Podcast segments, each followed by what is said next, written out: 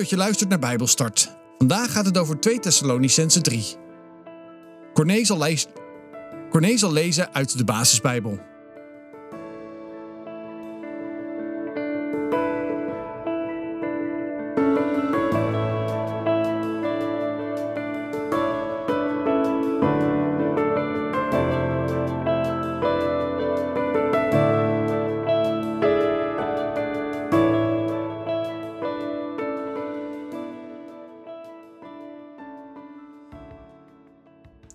2 Thessalonicense 3 Verder, broeders en zusters, vraag ik jullie om voor ons te bidden. Bid dat het woord van de Heer snel verder wordt verspreid en door de mensen wordt erkend als het woord van God, net zoals bij jullie. Bid ook dat we worden beschermd tegen mensen die ons tegenwerken en tegen slechte mensen, want niet alle mensen geloven het goede nieuws. Maar de Heer is trouw hij zal jullie sterk maken en jullie beschermen tegen de duivel. We vertrouwen erop dat de Heer jullie zal helpen om te doen wat we jullie hebben gezegd. En niet alleen nu, maar ook in de toekomst. Laat je door de Heer helpen om van Hem te houden en om net zo vast te houden aan het geloof als Christus. Maar ga niet om met broeders en zusters die niet meer willen werken. Dat zeggen we jullie namens onze Heer Jezus Christus want zij houden zich dan niet aan wat ik jullie heb geleerd. Jullie weten immers zelf wel dat jullie ons als voorbeeld moeten nemen, want jullie hebben gezien dat wij wel hebben gewerkt. We hebben van niemand van jullie geld of eten aangenomen, maar we hebben dag en nacht hard gewerkt om niets van jullie nodig te hebben. Eigenlijk is het zo dat we recht op hadden om van jullie te krijgen wat nodig was, maar we hebben liever gewerkt omdat we een voorbeeld voor jullie wilden zijn. Want ook toen we bij jullie waren, hebben we tegen jullie gezegd dat mensen die niet willen werken ook niets te eten zullen krijgen. We zeggen jullie dit omdat we hebben gehoord dat sommigen van jullie ook maar wat rondhangen en niet meer werken. Ze zijn alleen maar bezig met allerlei nutteloze dingen. Tegen hen zeggen we namens onze Heer Jezus Christus dat ze rustig hun werk moeten blijven doen. Ze moeten hun eigen brood blijven verdienen. En broeders en zusters, Houd niet op met te doen wat goed is. Sommige mensen zullen niet willen luisteren naar wat wij hier schrijven. Dan moet het voor jullie duidelijk zijn dat ze ongehoorzaam zijn. Ga niet meer met hen om, dan zullen ze zich gaan schamen. Behandel hen niet alsof ze jullie vijanden zijn, maar waarschuw hen als broeders en zusters. Ik bid dat de Heer van Vrede jullie aldoor en altijd zijn vrede zal geven, wat er ook gebeurt. Ook dat Hij met jullie allemaal zal zijn. Ook ik, Paulus, schrijf jullie zelf een groet. Zo kunnen jullie aan elke brief zien of die wel echt door mij geschreven is. Dit is mijn handschrift.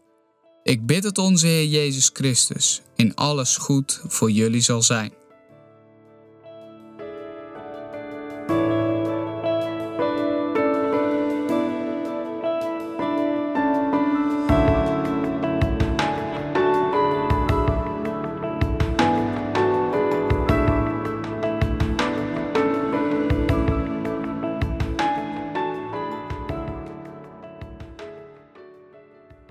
Beste luisteraars, welkom bij alweer de laatste studie van de brieven aan de Thessalonicenzen. We hebben de eerste brief met elkaar gehoord en we zijn nu bezig met de tweede brief. Fijn dat u weer luistert. In het laatste hoofdstuk van deze twee brieven sluit Paulus zijn brief af. Hij zegt letterlijk: ten slotte. Paulus begint dan met een vraag. Hij vraagt of de gemeente voor hem wil bidden. Laten we eens luisteren. Vrienden, hier staat dus weer broeders en zusters. Ten slotte vraag ik, bid voor mij. Bid dat ik het goede nieuws met succes verder bekend kan maken. Bid dat mensen grote eerbied zullen hebben voor dat nieuws. En dat ze gaan geloven, net zoals jullie. Bid ook dat God mij beschermt tegen mensen die verkeerd en slecht zijn, omdat ze het niet geloven. Paulus wil in deze brief, in het slot van zijn brief, nog enkele dingen aan de orde stellen. Het gaat hier om aanvullende opmerkingen. Maar dat betekent niet dat het minder belangrijke dingen zullen zijn. Alsof je de dingen die hij nog wil doorgeven wel een keertje zou kunnen lezen als je daar tijd voor hebt of zin in hebt? Nee. Paulus schrijft nog belangrijke zaken op. Wat hij nog wil toevoegen, vloeit voort uit de broederband die Paulus ervaart met deze gemeente. En het eerste wat Paulus noemt is gebed. Gebed is zo belangrijk. En daarmee doet Paulus een oproep op hun verbondenheid met hem. Toch vraagt Paulus niet direct gebed voor zichzelf, maar hij vraagt gebed om de voortgang van het woord van de Heer. Want daar gaat het om in Paulus zijn leven. Paulus denkt niet allereerst aan zichzelf, maar hij denkt aan de wil van God.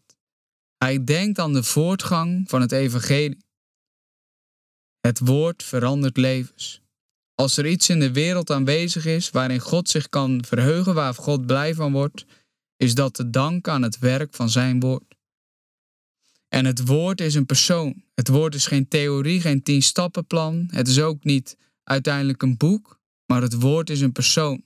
Dat schrijft Johannes. Jezus is het vlees geworden woord. En door het woord de Bijbel te lezen leren wij Jezus kennen. En wij kunnen hiervan leren als Paulus zegt te bidden voor de voortgang van het woord van de Heer. Laten wij dat ook doen.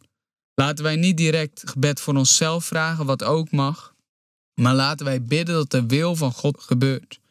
Dat het woord voortgang mag hebben in deze wereld.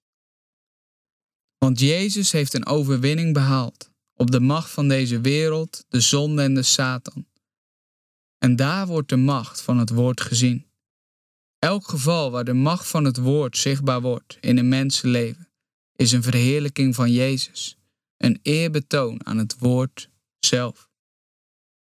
En na Paulus zijn vragen om voorbeden te doen voor de voortgang van het woord, gaat hij verder met vragen om voorbeden voor zichzelf. Hij doet het dus in de juiste volgorde. Hij denkt eerst aan het woord dat voorrang moet krijgen, maar dan vraagt hij ook gebed voor zichzelf. Paulus wil graag bevrijd worden van mensen die de voortgang van het woord hinderen. Die mensen gedragen zich onbehoorlijk, ongepast tegenover het evangelie. Verbaas je daarover maar niet. Het evangelie, het goede nieuws, roept die reactie nou eenmaal op. Mensen die niet willen buigen voor God, voelen zich bedreigd in hun positie. Maar uiteindelijk is het juist zo heerlijk als wij onze positie mogen opgeven en vrij mogen zijn in Christus. Als je bezig bent met een werk voor de Heer, dan zul je tegenstanders op je weg tegenkomen. Het zal niet altijd makkelijk zijn. En je ziet hier in deze brief dat je voor mag bidden dat die tegenstanders hun werk niet zullen kunnen voortbrengen. Deze mensen zijn tegenstanders van het goede nieuws, omdat ze niet trouw zijn aan het woord van God. Ze geloven geen eens in het woord van God. En ze geloven daarmee niet in Jezus. Ze erkennen het gezag, de autoriteit van het woord niet. En misschien accepteren ze wel bepaalde gedeeltes waar ze het mee eens zijn. En daarmee maken ze zichzelf beoordelers van het woord. Ik zal wel eens even bepalen wat ik met het woord doe en wat ik ermee kan. Maar wij moeten onszelf door het gehele woord laten beoordelen. En wij moeten ons laten zuiveren en daardoor groeien.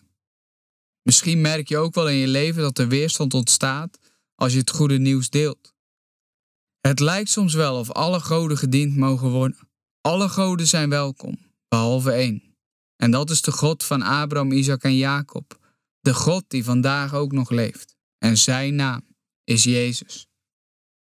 Paulus, hij schrijft vervolgens in vers 3 tot 5 dat de Heer trouw is, dat hij betrouwbaar is en het werk zal voltooien. Hij schrijft: De Heer is trouw. Hij zal jullie kracht geven en beschermen tegen de macht van het kwaad. De Heer geeft mij het vertrouwen dat jullie doen wat ik wil en dat jullie dat ook zullen blijven doen. Ik bid dat de Heer zal zorgen dat jullie met heel je hart van God houden, omdat jullie trouw zijn aan Christus. Ontrouw, tegenovergestelde van trouw, is het kenmerk van hen die Gods woord niet serieus nemen. En het is het kenmerk van de Heer dat Hij juist altijd trouw is. Op de Heer kun je vertrouwen. Je kunt van Hem op aan. Op mensen kun je niet altijd aan, maar God is te vertrouwen. God blijft altijd trouw aan zichzelf. Te midden van alle ontrouw is de Heer een machtige vesting. Hij is nog altijd even trouw als toen hij u riep. En omdat hij trouw is, zal hij ons ook bewaren en zijn belofte waarmaken. Getrouw is zelfs zijn naam. Hij is getrouw. Hou daar in moeilijke tijden aan vast. Weet dat hij God is. En vergeet niet dat hij trouw is. Hij voltooit wat zijn hand begonnen is. Hij houdt u vast en hij zal u niet loslaten. Paulus wijst ook op deze trouw van de Heer. En om je vervolgens ook nog eens te bemoedigen, wijst hij er ook op wat hij doet, wat God doet. Wat doet hij trouw? Hij versterkt, trouw versterkt, maar ons bewaart ons ook voor de boze. Het bewaart ons tegen de aanvallen van Satan. God geeft kracht om tegen de druk stand te houden. Ook staat Hij als een wachter bij ons om de boze van ons vandaan te houden. Dat doet Hij door zijn engelen te sturen. Zijn engelen beschermen ons en zijn er voor ons, zodat de boze ons niet kan aantasten. Als wij onze identiteit als zoon en dochter van God kennen en daarmee onze autoriteit, weten we dat we erfgenaam zijn. En dan worden wij aangevallen, maar mogen wij ook weten dat God ons beschermt. Hij is trouw. God geeft om ons en God zorgt voor ons. Van Hem uit gaat de kracht en bescherming. Zijn bekwaamheid is net zo groot als zijn zorg. In Zijn handen ben jij ook veilig en kan geen vijand je benaderen.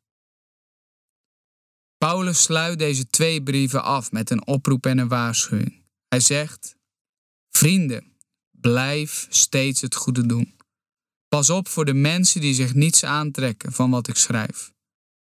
Ga niet meer met hen om. Misschien zullen ze zich dan schamen, maar behandel hen niet als vijanden. Waarschuw hen zoals je vrienden waarschuwt. Hij roept de gemeente op om soms ook tijdelijk van iemand soms afscheid te nemen zodat iemand tot inkeer kan komen. En daarmee hou je juist van iemand, maar geef je iemand de tijd om zich te bekeren. En dat is ook God zoeken en Hem dienen. Paulus roept ons op om ook op te passen voor mensen die dus niet luisteren naar Gods woord. En dit is best wel moeilijk om soms afstand te nemen. Maar soms is het beter om afstand te nemen in een relatie, om deze persoon ook ruimte te geven en jou niet te laten beïnvloeden. Door ruimte te geven en iemand wel lief te hebben, kan het gebeuren dat iemand juist daardoor tot Christus komt. Je moet zo iemand dus waarschuwen als een vriend. Dus niet met veroordeling, maar vanuit liefde. En dat is ook evangelisatie. Soms mogen wij scherp zijn om iemand tot Christus te leiden. Dat is niet altijd makkelijk. Maar God is liefde. Hij is geen liefje, hij is ook rechtvaardig en hij is heilig. Laten wij daarom gezond omgaan met onze relaties. Liefhebben en soms, waar nodig, afstand nemen, juist uit liefde, zodat deze mensen tot de liefde van Christus gedreven worden. Ik wens u met Paulus het volgende toe. Ik bid dat de Heer van de vrede jullie zijn vrede geeft, altijd en op alle mogelijke manieren, en dat Hij goed voor jullie zorgt. God zegen allemaal en houd uw oog gericht op Hem.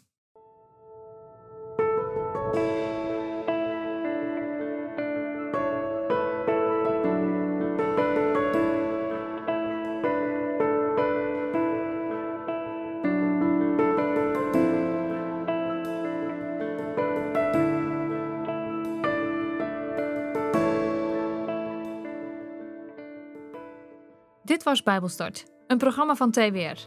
Het is gebaseerd op het Amerikaanse programma Through the Bible, ook wel TTB genoemd. En deze uitzending is een samenvatting van twee afleveringen. Wil je meer weten? Ga dan naar ttb.org of ga naar twr.nl/bijbelstart.